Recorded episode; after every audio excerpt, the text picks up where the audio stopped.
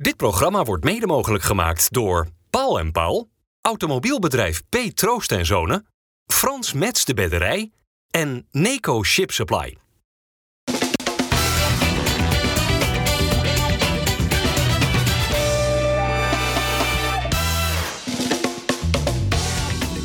Goedendag dames en heren, hartelijk welkom bij FC Rijnmond. Op deze maandag aan tafel hebben wij Jan Eversen, Dennis Kranenburg en Robert Maaskant. Robert, hoe is het om eh, met je grote voorbeeld en leermeester aan tafel te zitten? Ja, heel leuk. We hebben elkaar lang niet gesproken. En eigenlijk hebben wij altijd een fantastisch contact gehad. Uh, contact dat, dat... of contract? Nee, contact, contract ook trouwens. Uh, nou, op een gegeven moment verwatert dat een beetje in die, in, in die voetballerij. En, uh, maar ik vind het altijd heerlijk om Jan te zien. En ik heb heel veel aan hem te danken gehad. Dus, Hij ja, was jouw assistent? Robert was mijn assistent. Ik, ik ging naar Zwolle. En toen waren er verschillende kandidaten, weet je wel zo. Maar uh, ik wilde Robert hebben. Dat kostte nog enige moeite. Want ja, je weet hoe het gaat. Als er iemand een directeur zit, die heeft een vriendje. Ja. En uh, ik werd eigenlijk wel een beetje ingefluisterd door Henk, Henk van Ginkel. En uh, die haalde mij toen naar Zwolle. Dus je moet Robert nemen. Nou, ik heb daar nooit spijt van gehad. We hebben, ja, ik ben al tweeënhalf jaar daar weggegaan. Toen ging ik naar Sparta. Nou, we hebben gewoon prima gewerkt. Ja, dat is, uh, soms klikt het met de assistenten, soms klikt het niet. Ik heb, ik heb bijna nooit meegemaakt dat het niet klikte. Nee. Maar dit was gewoon, ja, we hebben gewoon een waanzinnige tijd meegemaakt. We gingen voetbal spelen waar je, wat je gewoon graag wilde zien. Hè. De mensen stonden te banken. Het was eerst gewoon waardeloos om te zien. En, uh, maar dat was gewoon top. En, en ja, iedereen had daar eens een beetje zijn rol in. Ik mijn rol, Robert zijn rol, de verzorger. Jenny, de, de kantinevrouw, weet je, dat was gewoon top. Ja, dat was echt top. de volgende keer. Ik wil het zeggen, dit vind ik een mooi moment om even deze memoires verder af te sluiten. Ja. En uh, het lekker over Feyenoord, Sparta en Excelsior te gaan hebben. En FC Dordrecht trouwens ook, Ja. want dat is heel knap Hey. wat daar gebeurt. Uh, Sparta dat eigenlijk voor het enige Rotterdamse succes uh, dit weekend uh, zorgde. Maar Robert, hoe kan um, een week van Feyenoord twee gezichten hebben? Nou, dat vind ik helemaal niet zo gek. En, en, wat me eigenlijk opvalt is dat niemand het heeft over een week van uh, Champions League spelen en competitie spelen. Het competitieprogramma is dusdanig gemaakt dat je uh, de topploegen die verwacht worden dat ze Europees gaan spelen, dat die dan tegen elkaar gaan spelen. Nou, Twente is natuurlijk uitgeschakeld in een vroeg stadium al. En Feyenoord zit daar nog middenin. En iedereen kan blijven vertellen dat het er niet toe doet en dat ze voldoende fysiek getraind zijn om het aan te kunnen allemaal waar. Maar mentaal doet dat wat met zo'n spelersgroep door in het weekend of uh, door de week te spelen op Champions League niveau. En dan een hele moeilijke uitwedstrijd. Twente die bijna onverslaanbaar is in hun eigen stadion. Daar ook weer te presteren. En waar, en merk, je dat, gewoon... waar merk je dat mentale aan in het voetballen? Nou, in, in, merkt, in, het lichaam van die gasten? Je, je, het, mentale is, is net te scherp. Als je kijkt naar de kans die Twente al krijgt na, uh, in de eerste vijf minuten. De die, dieptebal. Com die communicatiefout met Geertruida en ja, Bijlo. Maar dat is, ja. dat is nou precies de concentratie en het mentale gedeelte waar dat over gaat. Van de Bijlo komt half-half. Die, die stond al half om eigenlijk te gaan ingrijpen. Die bal valt iets anders. Daarna komt hij alsnog. Nou, toen was er een, een, een, een, misverstand. Nou, dat is dat mentale, die scherpte die ja. dan net even ontbreekt. Plus een heel goed Twente, want uh, laten we het ook niet vergeten. Die deed het ook gewoon fantastisch. Nou ja, Jan, heeft Twente Feyenoord ontrafeld? Nou ja, Twente heeft uh, op een manier gespeeld waardoor je het Feyenoord moeilijk maakt. En dat is? Dat is erop. Snel druk zetten, heel ja. agressief spelen, snel omschakelen. En lange ballen. En uh, daar de, de, ruimte, de ruimte zoeken die er komt te liggen. Want als je Feyenoord aan de bal, aan de bal laat, dan zie je dat Twente heel ver inzakt. En dan ontstaat er enorm veel ruimte. Zeker nadat het heel snel werd het 1-0. Dat was ideaal voor Twente natuurlijk. Dan zakken ze in. En Feyenoord was heel slordig. En het, het, het, duurde veel te lang voordat er iets gebeurde. Kijk, als een tegenstander inzakt, dan moet je gaan zoeken naar de mogelijkheden. Dan moet je die bal laten lopen, lopen van links naar rechts, kijken. Als er een gaatje is, gelijk steken. Maar dat gebeurde niet. Ik zag een paar lange ballen die helemaal niet aankwamen en weggekopt werden. En dan speel je Twente in de kaart, want er ligt een zee van ruimte. En kregen ze balbezit, dan zag je die flap weg, die Oegalde weg, die, die rots, die, allemaal snelheid, bal in de diepte. En Feyenoord had problemen, want er lag enorme ruimte achter hun. Nou, en dan is, heeft het ook te maken met de omschakeling. Dan zie je bij Twente het middenveld zo snel omschakelen, agressief spelen. En bij Feyenoord was er een bepaalde apathie. Nou, en dat is precies wat Robert zegt. Als je Europees voetbal gespeeld hebt, zo goed tegen, in, in, de Kuip, tegen dat Lazio. En dan moet je naar Twente.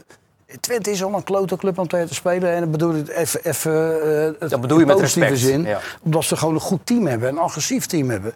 Maar ze hebben gewoon zo gespeeld zoals je Feyenoord moet bespelen. En er zijn er niet veel in Nederland die dat kunnen. Waren ze bij Feyenoord zich bewust van deze kwetsbaarheid? Dat als je inderdaad fel op ze gaat jagen, als je die lange ballen hanteert en vol gaat voor die tweede bal, dat Feyenoord dan te pakken is. Eh, nou, bij Feyenoord denk, ja, ik denk dat ze zelf gewoon uit hadden, gingen van hun eigen eh, principes. En dat ze op die manier Twente lastig konden maken. Maar dat bleek niet het geval. Juist om wat eh, Jan en wat Robert net ook aangeeft. Omdat ze er zo fel op zaten. En op het moment dat Feyenoord die druk wilde zetten, die lange bal gingen hanteren. Dus je had eigenlijk redelijk snel in de wedstrijd door van dit gaat heel moeilijk worden. Als dan zo'n miscommunicatie ook nog erbij komt. Ja, en dan kom je binnen, binnen 10 minuten al op 1-0 achter. Ja, dan weet je, ze krijgen bijna geen goal tegen bij FC Twente. Dan weet je dat het gewoon een hele vervelende middag gaat worden. Eigenlijk nooit het geloof gehad, toch? Dat Feyenoord daar een overwinning zou gaan halen. Eerste helft, geen enkele poging op doel. Als je de wedstrijd leest bedoel je? Ja. Nee, niet. Maar ik, ik moet wel zeggen dat je, eh, als je naar die wedstrijd kijkt, dan weet je ook dat Feyenoord wel de kwaliteit heeft om altijd nog wel die goal te kunnen maken. Eh, ik, ik zag ook de wissels, hè, die, waren ook, die waren boos op zichzelf eh, ten eerste, maar die waren het ook niet helemaal eens. Stenks die, die doet nog wel wat in gebaar dat hij niet zo blij was. waarom werd Stenks gewisseld? Nou, ik denk dat ze gewoon verse krachten zochten. En, en iemand die het wel open Maar hij is wel een bloedvorm al een aantal weken. Ja, nou zeker. En da- da- daarom is het ook vervelend. Dus, maar ik denk dat het juist voor Arne Slot heel goed is dat je die wissels ook gewoon wel doet. Hm. Dat je gewoon even aangeeft voor je luister, je hebt 70 minuten, of ik weet niet wanneer je eruit gehaald hebt, maar je hebt zo, lang de, uur. ja, je hebt zo lang de kans gehad. Eh, ja, en we hebben ook andere mensen die dat misschien wel kunnen. Ja. En ja, dat, dat, dat liep niet. Jiménez natuurlijk, die, eh, die vind ik altijd goed. Ja, die kan altijd nog wel in de laatste minuten toeslaan. Maar was nu onzichtbaar. En dat Hij kwam- werd goed bespeeld. Ja, dat kwam ook door Pruppen. Hebben we in eh, januari ook gezien. Hè? Toen speelden we Feyenoord natuurlijk ook daar bij Twente. Werd het 0-0. Had hij het ook heel lastig. Want wat Pruppen eigenlijk doet... Jiménez, waar hij ook naartoe gaat, Pruppen gaat met hem mee. Zit echt als een soort, ja, een soort rugzak om hem heen gevouwen. Dus elke beweging die hij wil maken, dat gaat gewoon niet. Hij heeft zich ook best wel lopen ergeren aan die eh, wedstrijd tegen Pruppen. Pruppen die had na afloop natuurlijk ook daar een reactie. En die zei ook van ja, ik weet dat ik heel vervelend kan zijn. En dat moet in dit soort wedstrijden ook. Ja. Ja, en blijkbaar was Jiménez daar niet, kwam die daar niet uit. Rami Seruki dan, die eh, keerde natuurlijk terug bij zijn oude club. Hij eh, vertelt wat er bij Feyenoord aan uh, mankeerde. Nou, ik denk dat we het vooral onszelf lastig hebben gemaakt. Want je weet hoe ze hier spelen, hoe ze gaan beginnen. Veel druk. eh, tweede ballen proberen ze te winnen. Ja, en ik denk vooral in die fase, in de eerste 25 minuten, zijn zij daar gewoon beter in geweest. En dan, eh, wat ik zei, dan komen ze op voorsprong. En dan worden de ruimtes soms nog kleiner. Dus gaan ze ook weer wat meer terug. Was ook wel doordat wij ze wat meer terugduwden. En eh, ja, dan was het te vaak te slordig of een verkeerde aanname. En kwamen we tot heel weinig kansen. Die zeker die slordigheden, hè, wat hij nu ook zegt. Hoeveel ballen we niet hebben gezien die maar de diepte in werden getrapt. Naar Jiménez die tussen vier spelers stond. Ballen die in werden gespeeld die je normaal nooit ziet, die in werden geleverd. Ik Dat vind het verbaasde me wel. lovenswaardig dat hij het bij zichzelf neerlegt. Ik vind wel dat hij Twente tekort doet. Ik vind echt dat hij Twente tekort doet in het spel. En ik, wat me verbaast een beetje bij Feyenoord is dat ze zeker in die laatste fase... en dan pak ik even de, de absolute wereldtop erbij. Als je kijkt naar Manchester City, hoe die gisteren een paar kansen creëren tegen Manchester United... die helemaal teruggeplooid staan op hun eigen 16. Ja, zover is Feyenoord ook nog niet. Diagonale ballen, lopende mensen die achter de laatste lijn komen... ballen terugleggen, daarin lopen. Ja, dat mis ik nog wel een beetje in, het, in, het, in de ontwikkeling van het geweldige Feyenoord. Want we hebben Feyenoord deze week natuurlijk ook eh, een 9,5 zien scoren Ja. qua voetbal. Waarom geen 10? Maar dan zetten ze wel de Grotere druk uitslag. op een tegenstander. Dan spelen ze hun eigen spel. En dan jagen ze ze op. En dan gaat het al een stuk makkelijker. Hè. Laatst Ja, maar ik heb het over balbezit, hè. Als ze echt gewoon de bal Ja, hebben ja. en die ploeg die gaat terug. Maar dat is, dat is anders dan als jij opgejaagd wordt. ja. Dan, dan verleg je eigenlijk het speelveld naar bijna je eigen helft. En het vervelende is dat je dan, dan, dan is er een te groot gat. En dan zie je dat, dat die Jiménez hier nog staat, weet je wel zo. Die gaat dan verder wegspelen. Die denkt als die bal komt. En dan wordt het eigenlijk onmogelijk om, om een goed positiespel te spelen. Want de afstanden zijn gewoon te groot. En, en wat je ook zegt net, Robert, is dat City heeft de kwaliteit om zo te spelen. Want die hebben geweldige spelers. Ja. Feyenoord heeft hele goede spelers. En die zullen nooit het niveau van City gaan halen. Ook al zit Slot er tien jaar. Nee. Snap je? En dan is het ook al is Slot een gewe- geweldige trainer. Maar dat heeft ook, zit, er, zit er een beperking, een limiet op kwaliteit. Mhm. En dat gaan ze nooit doen. Maar wat vond je ervan, eh, Jan, dat Slot eh koos voor, ik zal maar zeggen, de Champions League opstelling? Hè? Dus met Ja. Stenks op rechts en Zerouki op het middenveld in, in zo'n uitwedstrijd bij Twente. Dus snapte je die keuze om het zo te laten staan? Ja, nou als jij zo goed speelt tegen Lazio, waarom zou je gaan veranderen? Nou ja, je kunt ook zeggen, Stenks is ook goed in de competitie als nummer 10. Ja, dat zou- tuurlijk. Ja, maar dat is een keuze die je maakt. Kijk, ik vind dat je hebt Seruki en je hebt Wiever. Dat is eigenlijk hetzelfde. Snap je wat ik bedoel? Een beetje dezelfde spelers. Niet de allersnelste, willen allemaal graag de bal, in de bal komen. En dan heb je eh Timber, die van zichzelf normaal nooit echt een diepgaande speler was. Wilde ook graag de bal Maar dat wel goed ontwikkeld gaat de laatste nu wel tijd. beter ontwikkelen. Ja. Dus, maar dat is de enige eh, middenvelder met diepgang. En als jij een, een tegenstander hebt waarbij die inzakken... dan heb je maar één man die gaat lopen. Maar als je om Jiménez de twee hebt, heb je meer mogelijkheden. Dan heb je meer keuzes. En dan kan je in gaan spelen, derde man zoeken, doorspelen. Maar hoe werkt dat voor een trainer in de betaalde voetbal? Zou Slot een gevoel hebben van ja, ik, ik ben eigenlijk verplicht om die Zerouki op te stellen. Daar kan ik niet omheen. Ja, als, je zo, nou, als je zo speelt tegen Atletico, als je zo speelt tegen Ja, Lazio, dan verdien je het om een maar, maar te er zijn krijgen. ook wedstrijden geweest dat we dachten, nou, poeh. Hè, dus zat ik ook te kijken, denk, ik, nou, een ja, maar dat was, ja, maar dat was wel het begin van de competitie. Hè? Ik bedoel, mag die jongen even Ja, acclimatiseren en wennen? Je, je, je, het is betaald voetbal, hè? Je hebt ook, ik zie gisteren Ivanu, Ivanu zetten ze invallen. Ja. Nou, die is dan een beetje geplaceerd geweest. Maar die, die hebben ook al een tijd niet gespeeld. En die, zie je invallen, maar die wil dan zo graag bewijzen dat hij heel goed is, dat, dat hij onmogelijke acties gaat maken. Maar als Ivanovic kan invallen, na Ja. rust, hè, want hij heeft de hele tweede helft gespeeld, kan je dan ook met hem beginnen? Ja, ik zou beginnen met hem. En waarom? Dan is hij misschien na een uur eraf. En dan kan je altijd nog iemand anders inbrengen. Maar ik denk dat ze dat ook niet doen, Jan. We weten van Slot ook dat hij niet heel erg veel wisselt. Hè? Dat hij niet heel veel sleutelt aan zijn elftal als het eenmaal staat. Nee, maar Ivanovic is in potentie toch een basisspeler. Ja, Ja. maar nu speel je dus tegen eh, Lazio in deze opstelling. Speel je een geweldige wedstrijd. Ja, nu speel je een slechte wedstrijd. En dan ja, dat wordt in de afloop gezegd, hadden we niet dit of dat moeten doen. Maar als je een geweldige wedstrijd tegen Lazio speelt, is het toch niet zo heel gek dat je daarop voort moet Nee, dat je, dat je dezelfde opstelling blijft spelen vind ik prima. Ja. Alleen, kijk, Stengs werd gewisseld. Maar Stengs liep alleen maar te zeuren over overtredingen en tijdrek. En, die ging met zijn hoofd, was hij niet meer bij voetbal, maar bij andere dingen. En ik denk dat Slot dat wel ziet, want Slot is best slim. En die nou kun je hem even zitten en we gaan een ander erin zetten... die ook heel goed kan voetballen. Nou, en dat is een beetje het verhaal. Je moet, het is moeilijk, hè. Feyenoord heeft een hele brede selectie. En je kan mij niet wijzen maken dat degenen die niet spelen tevreden zijn. Dat is over het algemeen je nooit. Nee. Dat mag je ook nooit zijn. Nee. Maar het wordt wel steeds moeilijker. Als ze er een keer tegen zit, gaan zij de kans ruiken. Als je dan weer blijft spelen in die opzet, dan... Ik ben benieuwd hoe dat gaat. Want Nou, ze- de tweede helft speelt Slot uiteindelijk wel aangepast, hè, met eigenlijk één op één. Ehm, wat leverde dat eigenlijk op?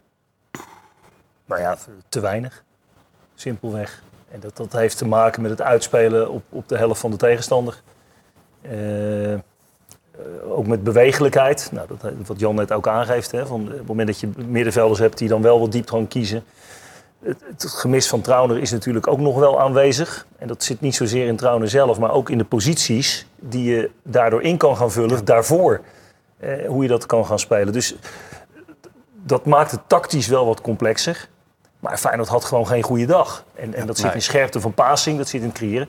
Met een beetje geluk overigens kunnen ze nog zomaar een strafschop krijgen. Nou ja, dat is eigenlijk mijn volgende vraag. Feyenoord had geen goede dag. Maar Feyenoord is inmiddels wel een topclub. Wat moet er veranderen? Wat moet er gebeuren?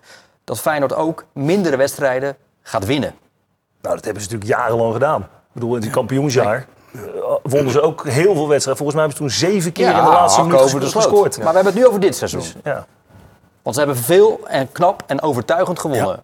Maar hoe Ja, nou ook... Een, want je gaat vaker Je minder slechte- spelen. Ja, maar je slechte wedstrijden winnen, dat doe je door agressief te blijven voetballen. En ik, meer, ik miste gisteren agressiviteit. Ja. Ja. In de omschakeling, als ze balverlies le- omscha te makkelijk ging kon Twente eruit komen met drie, vier man.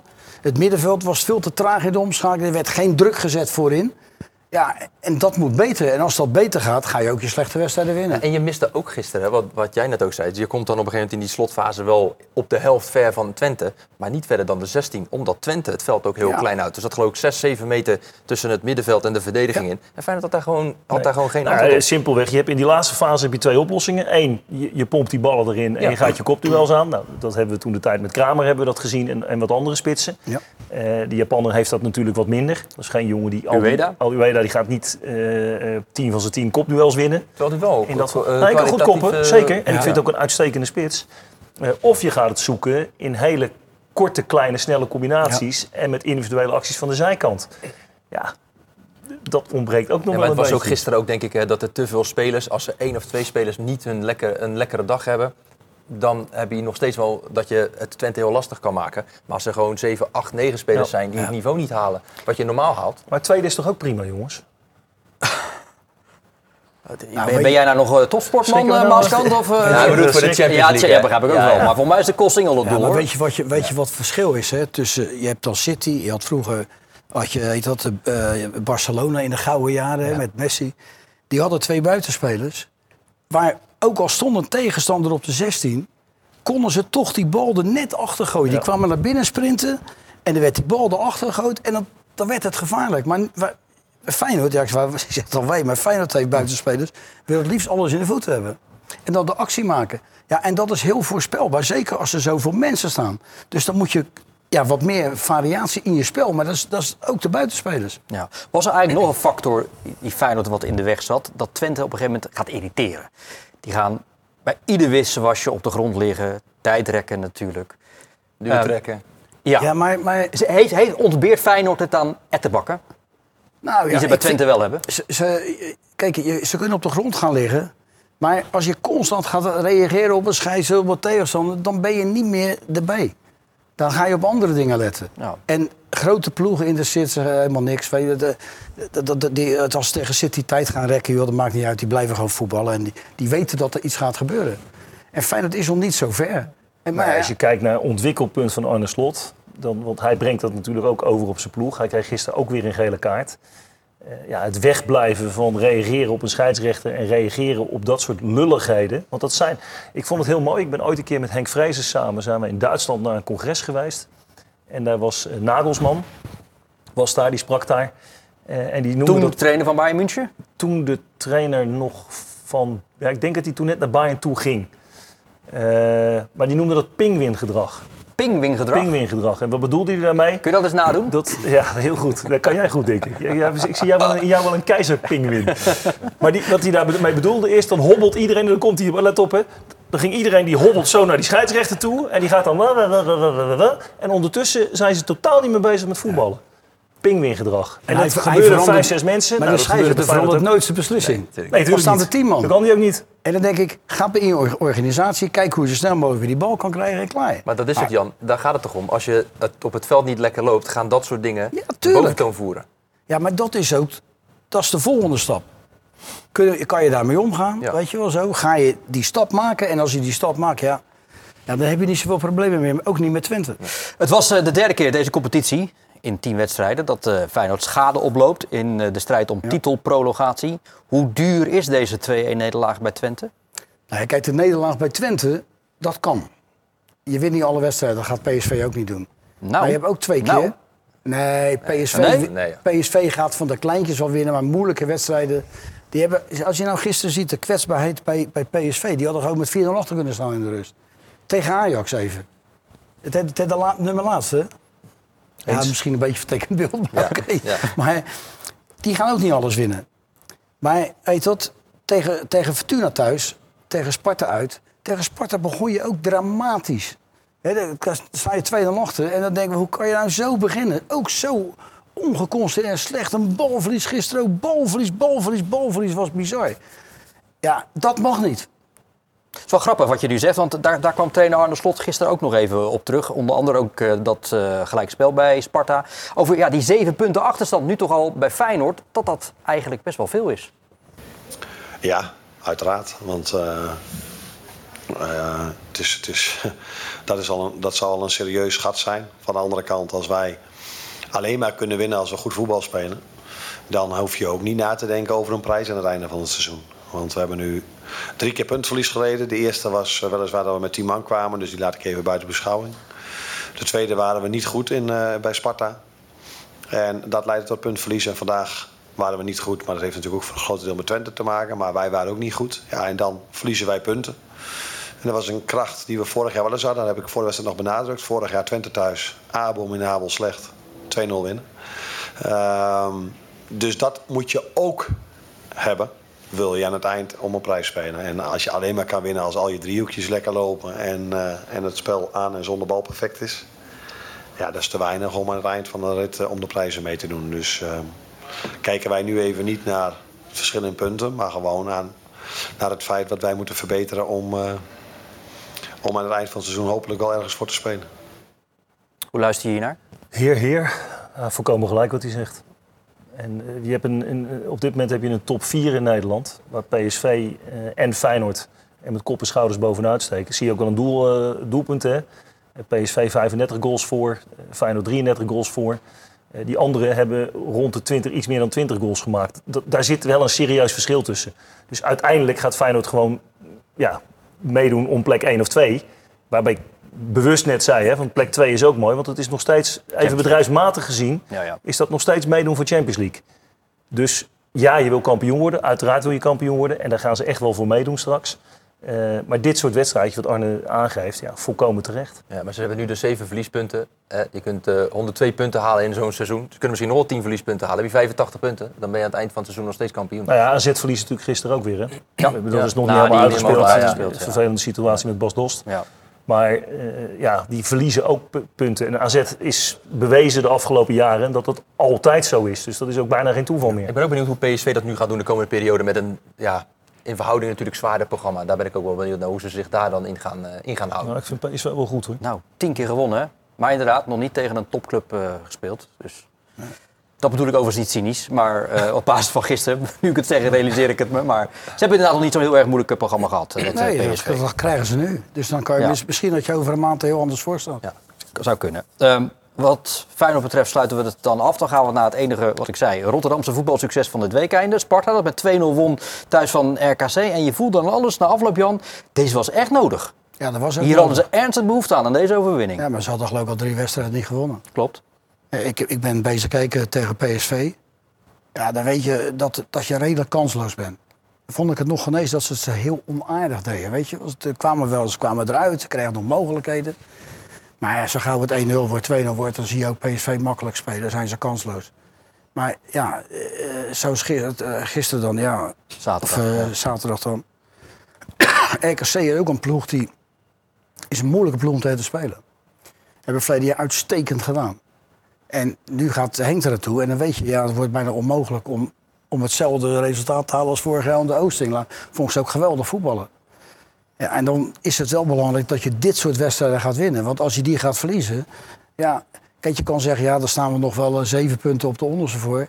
Ja, Ajax die krijgt twee wedstrijden, die staan dadelijk bij elf punten. Ja, precies. Ja. En dan is het, zit het allemaal wel dicht Maar goed, dit gaat over RKC. Sparta heeft wel die strafschop nodig Ja. om in het zadel geholpen te worden. hè? Ja, nou, het is ook wel lekker dat de spits die dan al een hele tijd eh, niet heeft gescoord, dan ook dat, eh, ja, dat, die kans dan benut. Was het een terechte strafschop eigenlijk? Ja, 100%. Hij springt omhoog, gelijk wel een volleyballer. Of hij hem wilde smashen met zijn handen de lucht in, in het 16 meter gebied. Eh, maar je hebt ook wel eens van dat soort momenten nodig om je even over dat punt heen te helpen. hè. Nou ja, gaat dat gebeuren? Want Laurensen schiet die, die ping- pingel perfect binnen. Overigens geeft hij daarna een uitstekende... Zit er een pingwin? Nee, jij zegt die schiet die pingwing binnen. Geen zin. Pingel. Eh, daarna geeft hij een uitstekende assist natuurlijk op die 2-0 van eh, Verschuren. Is, is dit wat Laurensen nodig heeft waardoor hij los kan en los gaat? Kijk, een spits wil altijd goals maken. Ja, maar dat was En- twee maanden en geleden. Dat heeft hij, eh, ja, maar hij heeft wel bewezen dat hij, dat hij die potentie heeft en dat hij die goals kan maken. En iedere tegenstander tegen wie Sparta speelt, die houdt in eerste instantie rekening met hem. Ja. Want het is gewoon een hele moeilijke gozer om tegen te voetballen. Eh, de week daarvoor, Go Eagles. eh, ja, weet je, Sparta zit op dit moment een beetje op de lijn dat ze moeten oppassen dat het vanuit het stempel heel professioneel, heel verzorgd, ook niet een klein beetje saai gaat worden. En dat ze dan eh, het, het, die nul dan maar gaan heilig gaan verklaren. Ik denk dat ze daar meer kwaliteit voor hebben. Kijk, en vorig jaar is een seizoen geweest waar echt alles heeft meegezeten. Eh, dat, kan je ook niet verwachten van Sparta. Als Sparta weg, goed wegblijft van die onderste plekken, doet Sparta het gewoon prima. Mag je Arno Verschuren wat verwijten? Ja, vind ik van wel. Het is niet de eerste keer. Want als ik me goed herinner, speelde Sparta, dat is twee seizoenen geleden, thuis tegen PSV. En toen maakte hij eigenlijk bijna zijnzelfde soort overtreding op de middenlijn. En daar begreep ik er niks van, want er stond 0-0. Sparta had de wedstrijd onder controle en PSV had het moeilijk. Ja, daarna is het over. Dan verliezen ze een wedstrijd. En nu, ja, kijk, eh, waar maak je die overtreding? Ja. Bij, de, bij de 16 bij de tegenstander. Ja. Die dan Bakali moet nog het hele veld oversteken. ja, ik, Ja. ik ga er niet vanuit dat, dat eh, die pe- speler die die bal had in zijn eentje doorloopt Nee. en hem in de bovenhoek schiet. Dan denk ik, dat vind ik gewoon dom. Ja. Ja, eh, ben ik heel voorzichtig, weet je wel zo. Nou, kan, kan eh, hersenloos zeggen. vond hij zelf eh, ook, Vond hij zelf ook. Sterker nog, hij, hij legde verband, Arno Verschuren, de, de nummer 10 van Sparta, met het net maken van die goal en daarna het begaan van die overtreding die hem rood opleverde. Ja, dan krijg je gewoon adrenaline en dan wil je gewoon elke bal, elke bal wil je winnen. En dan, eh, dan win je een bal en dan, dan ja, wordt het publiek weer eh, wat luider. En dan, eh, en dan wil je die volgende bal ook winnen. En dan, ja, maar dat was natuurlijk een onmogelijke bal. ja, en ik ga, ik ga een tackle in. Natuurlijk wel met de intentie om die bal te hebben. Ehm, maar ja, hij was een tikkeltje sneller en eh, ja, ik, ik, ik kraak hem op zijn voet en eh, ja, dan weet je het direct eigenlijk en dan kan je zelf tegen de kop slaan en ja, dan wil je de tijd terugdraaien, maar dat gaat natuurlijk niet. Dus eh, Jij vindt het terecht rood. ja, kijk, ik ga, niet, ga ook niet raar doen en, en, en zeggen dat het misschien geel was of ik denk dat hij hem wel kan geven. Het is gewoon op een domme plek, een heel domme overtreding. Ja, dus hij eh, erkent het. Hij is wel belangrijk voor Sparta. Zo, vooral in deze wedstrijd was is- hij dat. Ja. Ja, maar ik- ik- in, in positief is hij heel belangrijk. Maar dat houdt ook in dat hij nu waarschijnlijk twee wedstrijden als een Ja, maar daar is een eh, klein voordeeltje, Robert. Eh, de eerstvolgende wedstrijd is de bekerwedstrijd tegen IJsselmeervogels. Oh ja. Kan je Verschuren missen, als hij überhaupt had gespeeld. En daarna wacht de wedstrijd tegen Almere City. Mag Die ook, al vier wedstrijden niet verloren hebben. dat is waar, maar die mag Oh ja. je toch ook zonder Verschuren wel tegen- winnen, toch? Spelen gelijk tegen Go Ahead Eagles, waar Sparta ook gelijk tegen speelt. Dus Ja, maar dit was in Almere tegen Go Ahead. En Go Ahead thuis is wel een ander verhaal. dat is, ben ik met je Ik sla je om je oren, je nee, met alle het- feiten. Ik ben het eindelijk een keer met je eens. Oude pingwin. Nee, oké, maar goed, dat is dan een geluk bij een ongeluk. Toch blijft Sparta wel tegen 10 man op de been. Ja, Eh, ze hebben een goede organisatie. Er lopen best slimme spelers bij. En zeker je centrum wat je achterin hebt, die hebben zoveel ervaring. En die zetten het wel neer. En dan mist natuurlijk RKC ook de kwaliteit om met een man meer eh, daar winst uit te halen. Zo simpel is dat. Dus eh, belangrijk voor het vertrouwen. Nou, jij zegt centrum met die, die Thijs Veldhuis, dat is ik toch maar een jonge gozer. En die staat er inderdaad alsof hij Ja, al jaren rondhuppelt, maar dat doet hij knap. Ja, maar vriends daarnaast is het natuurlijk Ja, wel, dat is, een zegen. Ja. Kijk, je, je hebt, je hebt, het is zo belangrijk. Dat weet Robert en ik toen we bij Zwolle zaten. Had je Boekweg hier en Kromme in het centrum. En die stuurde de rest aan. Die hadden heel veel ervaring. En die straalde wat uit. En dat is zo belangrijk voor, voor de omgeving. Ja, dat is gewoon... eh, dat is, eh, het, is, het zijn niet de allerbeste spelers in, in de Nederlandse competitie. Maar wel heel belangrijk voor Sparta. Ja, toch is het nog wel eh, een beetje een klein hoofdpijndossiertje als het gaat om Sparta. Dat zijn nu de vleugels. Negli op rechts, Clement op links. Je ziet dat Rijsdijk dat wel anders wil invullen, met name met Clement, die de hele tijd naar binnen komt, Ja. eh, in de as, zelfs al rechtshalf gaat voetballen. Daar had RKC trouwens geen antwoord op. Maar, maar ja, hoe lang kan je dat blijven volhouden zo, met eigenlijk twee buitenspelers die dat eigenlijk niet zo gewend zijn? Dat is natuurlijk ook het grote verschil met vorig jaar. eh, en blessures. Ja, Eh, Want ik denk niet dat dit een ideaal plaatje is voor Sparta. nee. Ja, ik vind dat ze dat eigenlijk wel slim oplossen met deze spelers die dan inderdaad naar de binnenkant spelen, waardoor ze zelf wat meer in hun kracht komen te spelen, want dat zijn geen buitenspelers. Eh, maar je legt ook een tactisch probleem neer bij je tegenstander. En daar vandaan, waar Jan het net over had bij Feyenoord, op het moment dat je de diepe bal speelt, heb je wel onmiddellijk mensen eromheen die dat hartstikke goed kunnen. Dus ja, ik vind dat tactisch gezien vind ik dat een prima, prima oplossing voor Sparta. Het zou voor Sparta wel lekker zijn als Jean-Paul Boetius, die daar nu meetraint, als die daar misschien wel aan zou kunnen Ja, sluiten. maar het hè, lastig dat hij eh, heel hard nee riep hoor, toen er een, Ja. of er een optie was. Nou ja, dat Ja. zei hij hier in de uitzending vrijdag. Ja, dat lijkt geen optie voor Boetjes zelf met name. Maar het zijn er nu 15 clubs die dan aan de deur kloppen voor hem. Nee, maar we moeten wel weten dat Boetius natuurlijk in zijn laatste jaar in Duitsland eh, zelden als eh, flankspeler heeft gespeeld. Hè? Ja, als Stond al- st- ja, op het middenveld. Dus. Ja. Maar goed, ja, als hij zelf niet wil, dan houdt, eh, houdt het gewoon op. Nou ja, dat zou een prima speler zijn. Ja, uitstekend. Eh, er was trouwens nog wel een eh, mooi accent aan de overwinning van eh, Sparta thuis tegen RKC Jan. Want Sparta houdt de nul op de dag dat Pim Doesburg 80 jaar zou zijn geworden. Ja. Nou, dat is een mooi eerbetoon, toch? Misschien heeft Pim van boven een beetje meegekeken en Ja. invloed gehad. Ja. Dat is toch mooi? Zou zomaar kunnen, ja, dat is geweldig. Geweldige man. Groot Sparta-keeper, die toch even in gedachten dus eh, zaterdag bij ons was. Excelsior staat nog wel zevende, maar is het, is het inmiddels degradatiekandidaat? Dat is het altijd geweest. Ja, ja ik bedoel, eh, Excelsior heeft het fantastisch gedaan. Hij heeft enorm effectief omgegaan met, met de momenten die zij in de 16 hebben gehad. Hebben ook een aantal wedstrijden heel goed voetbal gespeeld. Heel leuk voetbal gespeeld. Maar Excelsior is altijd een degradatiekandidaat. En, en laat nou niemand zich in de maling nemen dat ze af en toe even wat hoger staan. Dat is heel knap. Eh, maar wat ik net over Sparta zei, geldt voor Excelsior natuurlijk nog meer.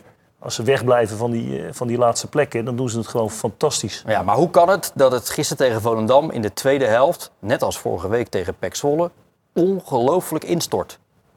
dat ze helemaal overlopen worden. Ja, dat heeft, eh, ze komen 1-0 voor. Ja, goede goal. En dan krijg je een prima goal. En dan denk je, dat, dan sluit er zoiets in van... Oh, weet je wel, Volendam staat een beetje laag. Dat is ook een beetje Excelsior, hè?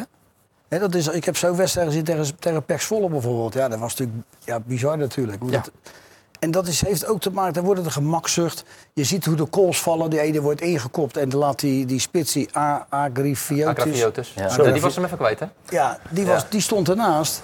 En hij komt inlopen. En, hij, en hij, die, die, die staat nog steeds... Hè, ja, nu niet meer, denk ik.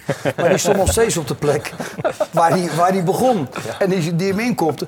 En dat, dat zijn allemaal slordigheden. Gemakzucht is het. Ik en heb als Excelsior dat niet eh, heeft, hebben ze wel een elftal... Wat, zeker thuis, hebben ze wat moeilijk te bespelen. Ja. ja, ik heb ook altijd het gevoel bij Excelsior dat als het eh, iets te comfortabel wordt, Ja. dat ze ook onmiddellijk minder gaan spelen. En op het moment dat het weer op het, sch- op het scherpst moet, dan, Ja. dan weet iedereen weer, oh ja, wacht even, we zijn, we zijn inderdaad misschien niet zo goed als we zijn. Nee. En we moeten er gewoon keihard Ja. voor werken. Waarom hebben ze zoveel moeite als er druk tegen ze wordt eh, gezet? Ja, maar wie Kun- heeft dat niet? Nou, maar bij Excelsior lijkt het wel gelijk helemaal Ja. voorbij dan. Nou, we hebben gisteren Twente Feyenoord. Dat, hey, Feyenoord. Nou, we slaan Feyenoord toch wel een stuk hoger aan dan Ja. Excelsior. Elke ploeg heeft moeite met druk. Elke ploeg. Dat was, eh, ik heb ja, City niet en dan het gouden Barcelona niet. Die konden met, met drie passen tik, tik, tik en dan stonden ze voorin. En dan zet een tegenstander misschien nog een keertje druk en nog een keertje druk. Maar als die dan drie keer voor je keeper staan, dan stoppen ze daar gewoon mee. Nou, en zover is Excelsior niet. Dan gaan ze fouten maken. Dan gaan ze de lange bal hanteren die niet. Of ze willen het mooi oplossen wat fout gaat. En dan wordt het het probleem. Ja. Gewoon Nou ja. kwaliteit is dat. En zo is eh, al met al de stemming rondom Excelsior eh, behoorlijk omgeslagen. In een anderhalve week ziet het allemaal heel anders eruit. En eh, deze tweede helft was nog eh, een stuk slechter dan de tweede helft van vorige week. Nou ja, weer alle kanten afgetroefd en eh, niemand die de leiding pakt en niet mijn sterkhouders. Dus we zakten eigenlijk compleet met z'n allen door het ijs heen. We probeerden te wisselen om dat te veranderen. Ook dat had eh, weinig soelaas. Dus eh, ja, eh, wat ik zeg, we, we hebben geen kans meer gecreëerd. Elke voorzet was gevaarlijk, dekken voor de goal was matig. Eh, ja, ik kon eigenlijk niks positiefs bedenken van de tweede helft. Ja, en als het dan, dan nog erger is, een week daarna tegen eh, een, een ploeg die onderaan staat, met alle respect. Je speelt hier niet eh, bij een topploeg. Ja, en dit laat zo gebeuren, dat is dan eh, is, dat is zorgelijk. Ja, dan is één ding nog niet eens benoemd over die wedstrijd van gisteren van Excelsior bij Volendam. Wat deed Van Gassel bij die 3-1? Hij, stond- hij stond goed te keeper, hè? had een paar puiken Ja. reddingen weer. Het Maar is jammer dat hij, ja, je hebt hier over die laatste goal. Die tweede Ja. goal is dan jammer dat hij hem dan tegenhoudt en dan in de kluts dat hij nog binnenvalt. Maar ik afvroeg of zat daar niet nog een hand bij of zo. Nee. Het is, ja, ja, hij, krijgt die bal teruggespeeld, dan moet hij natuurlijk gewoon naar voren peren en dan hopen dat hij ergens eh, bij desnoods maak je hem corner. Ja, precies. Maar als je gaat, ja, hij moet niet mee gaan lopen voetballen als je zo onder druk wordt keepers gaan gezet. denken dat ze kunnen voetballen, Ja. Dan, Gaat het Jan? fout. dan gaat het fout. Want ze staan niet voor niks in de goal. Er zijn maar weinig keepers die echt goed kunnen voetballen. Robert weet het nog. Wij spelen thuis met Zwolle. Dat was een mooi verhaal. Henkie Timmer in de goal. En we kunnen de periode winnen, VVV thuis. En Henk Timmer krijgt die bal en die maakt een beweging. En die wou zo...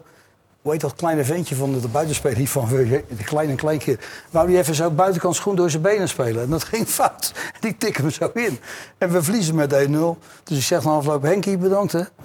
Ja, ik zal me niet zeggen wat ik als premie had voor de, na, voor de na-competitie te halen. dat, daar hadden we met de hele familie van vakantie kunnen gaan. En, door Henk heb jij die eh, premie dus eh Nou misgelopen? ja, die kreeg ik niet, want we Nee. hadden die periode. Ja, maar naderhand wel omdat we na competitie in de stand hadden. Maar ik vergeet dat nooit met Henkie. Weet je wel, Henkie Ja. kon aardig voetballen voor een keeper. Maar door de benen spelen buitenkant zoen. Nee, ja. dat moet je niet doen. Dus ik zag dat zondag, daar moest ik gelijk aan Henk denken. Ik denk, hé, hey, Van Gassel in Oranje. weet je nog Maas toen die bal? Weet je, Ja, ja, waren, we heel, waren we heel blij mee, hè? Ik speelde hem altijd op kniehoogte terug. Toen was dat net die regel. Ik heb samen met hem gespeeld. Op Ja. kniehoogte terug. En dan, eh, dan zwaaide ik altijd even van een metertje of twintig. Zoek het lekker uit. Heeft hij wel goed van leren voetballen. Ja, ja, ja. Goed, eh, Excelsior dat dus eh, verliest. Ondertussen, bij FC Dordrecht, Ja. weten we niet Samba. wat we meemaken. Ja. Winnen met 5-1 van FC Den Bosch, staan vijfde in de keukenkampioen-divisie. Wat is daar aan de hand? Nou ja, daar loopt het natuurlijk gewoon eh, eigenlijk wel heel erg lekker. Hè? Die samenwerking met Feyenoord die voelt voor eh, FC Dordrecht natuurlijk Ja, oké, maar dat zegt iedereen achter iedere komma als het Ja. over Dordrecht gaat. Maar er zal Maar- toch ook binnen die ploeg en club zelf nu iets heel erg goed gaan, of niet? Nee, ja, ze spelen gewoon heel leuk en verzorgd voetbal. En dat is vooral heel leuk met de technische gasten op de flanken die je daar hebt. Een aanvoerder eh, die... eh, Ja, die Schuurman? S- Oh. eh, Soerij. Oh ja. Die als, eh, ja, de trainer hoeft het niet uit te leggen aan hem, want die snapt gewoon precies van, oké, dit wil de trainer en dat kan ik weer overbrengen naar die jongens in het veld. En dat is gewoon wel heel knap. Je hebt een spits die eh, ook steeds meer zijn doelpuntjes mee eh, eh, begint te pikken. Ja, wat dat betreft uh, Schuurman juist er niet gewoon echt goed uit. qua scoren. Goed uit. Dus ik- degene die de meeste assist heeft. Ja, zeven Ja. assists heeft hij Ja, al, hè? zeven Dat is echt assists. wel, echt wel Ja, knap. ik heb toevallig met Michela Santoni gesproken. Eh, die was trainer? Bij, ja, de trainer. Die was bij eh, Almere tegen, tegen Go Eagles. Tijdje staan praten. Nog even, toen hij naar huis reed, hebben we samen nog even lopen bellen. Hoe dat op dit moment loopt bij Dort. Nou, vertel En eens. Daar zit zwang in. Ja. Eh, ik vind sowieso dat Santoni een uitstekende trainer is. Geweldige veldtrainer. Denkt heel goed na. Niet zo goed als Jan en ik natuurlijk. Maar denkt heel goed na over de ontwikkeling van spelers. En over hoe dat dan kan. En- Heb je ook gehoord door wie hij zich niet alleen laat inspireren, maar met wie hij ook goed contact heeft, waar hij zelfs een vriendschappelijke band mee heeft, eh, Santoni? Eh, Roberto De Zerbi, de trainer van Brighton. Ja, maar Ja, jullie, eh, jullie zullen je mee. verbazen over de contacten van, eh van niet Santoni. dus, want hij heeft echt over, over heel de wereld in de absolute top heeft hij contacten. En is enorm leergierig. Is daar ook altijd heel erg mee bezig. Dus gewoon een hele goede trainer. En ik had hem eerlijk gezegd, ik, ik had eigenlijk gedacht dat hij misschien wel in de positie van bij Feyenoord ingevuld zou worden. Als de Als assistent, opvolger van. Pusic. Ja, dat had ik hem zien doen. Omdat ik denk dat het iemand is die geweldig spelers kan Staat hij daarvoor open, denk je? Geen idee. Heb je niet gevraagd? Niet je zit heel de tijd met hem te praten. Ja, maar had je het over zinnige dingen. en niet van die journalisten vragen. Oh, oké. Ja, het mooie is wel dat ze het dus meest, een van de meest scorende ploegen, misschien wel de meest scorende ploeg. Het enige is wat er nog wel is, dat ze ook veel goals tegenkrijgen. Dat is nog maar is wel toch een leuk? dingetje. Het is toch entertainment? Ja, ja, oké. Eén goal Ja, meer maar- maken dan de tegenstander. Wat wil je nou nog meer? Je bent toch trainer? Ja, dan ga ik lekker in discussie met die marathon. Oké. Is de FC Dordrecht een serieuze kandidaat om de play-offs te halen? Als ze aan het einde van seizoen vijfde nog staan wel. Ja. Dat, Wat eh, denk je? Ja, maar ik, ik hoop het kan wel. ook een tijdelijke hoos zijn dit. Ja, dat, maar ze spelen aardig voetbal. Ik heb een paar keer zitten kijken, ook samenvattingen. Want ik moet eerlijk zeggen, op vrijdagavond heb ik vaak andere dingen te doen. Oh. Dan naar de eerste divisie te Wat doe je kijken. dan? Nou ja, dan ga ik met mijn vrouw lekker uit eten. Weet je wel. Zo, ja, dat vind ik ook wel leuk. Maar schakelprogramma's, En- en zo die eerste divisiepotjes Als ik thuis kom kijken, een serietje of zo. Maar er zijn heel veel wedstrijden in de eerste divisie. Daar zie je te kijken een kwartier en dan denk je wel eens van nou... Dan moet je wel een verrot slecht huwelijk hebben om dat uit te kijken, die wedstrijd, weet je wel. Dat is ook heel vaak heel slecht. Hmm. Maar ik vind het leuk voor Dordt dat het goed gaat, want ze zijn niet echt verwend geweest de laatste jaren. Bedunkt. Altijd onderaan. En Altijd onderaan. En daarvoor vind ik het leuk voor de supporters. Die zijn blijven komen en er komen er meer. En dat het een keer de goede kant op gaat. Nou, het was nu, hè, ze winnen van ploegen waar ze normaal gesproken van verliezen. En er is niet één ploeg, ja, Willem II misschien, die er echt met kop en schouders bovenuit steekt. Dus ja, je kan best wel lang aan blijven Ja, haken als je gewoon ja. zo door blijft gaan. Ja, we- even, het is- het is wederom weer een hele sterke keukenkampioen natuurlijk. Ja. Eh, eh, Willem II, Roda. eh, Roda, NAC zit er weer aan te komen. De Graafschap, Groningen draait nu niet goed, maar dat gaat natuurlijk ook een keer Zeker. gebeuren. ADO. Zeker. Eh, ik vind het nogal een redelijke competitie hoor. Zeker. En dus dat Dort vijfde staat is op dit moment Is- is gewoon dus hartstikke heel erg knap. Ja, zeker. Daar moeten we het alweer bij laten. Het is weer voorbij. hoop Nee, de uitzending moeten we hierbij laten. Oh ja. Dus, eh, Nou, dat hoopte, hoopte ik eerlijk gezegd ook. Ja, weer naar huis. Ja, jij hebt een goed huwelijk, dus jij wil lekker naar huis. Bedankt voor de komst, Jan Evers, Dennis Kranenburg en Robert Maaskant. We zijn er woensdag weer met de Sparta-podcast hier op Rijnmond. En vrijdag eh, weer met FC Rijnmond. Graag tot dan en een goede week.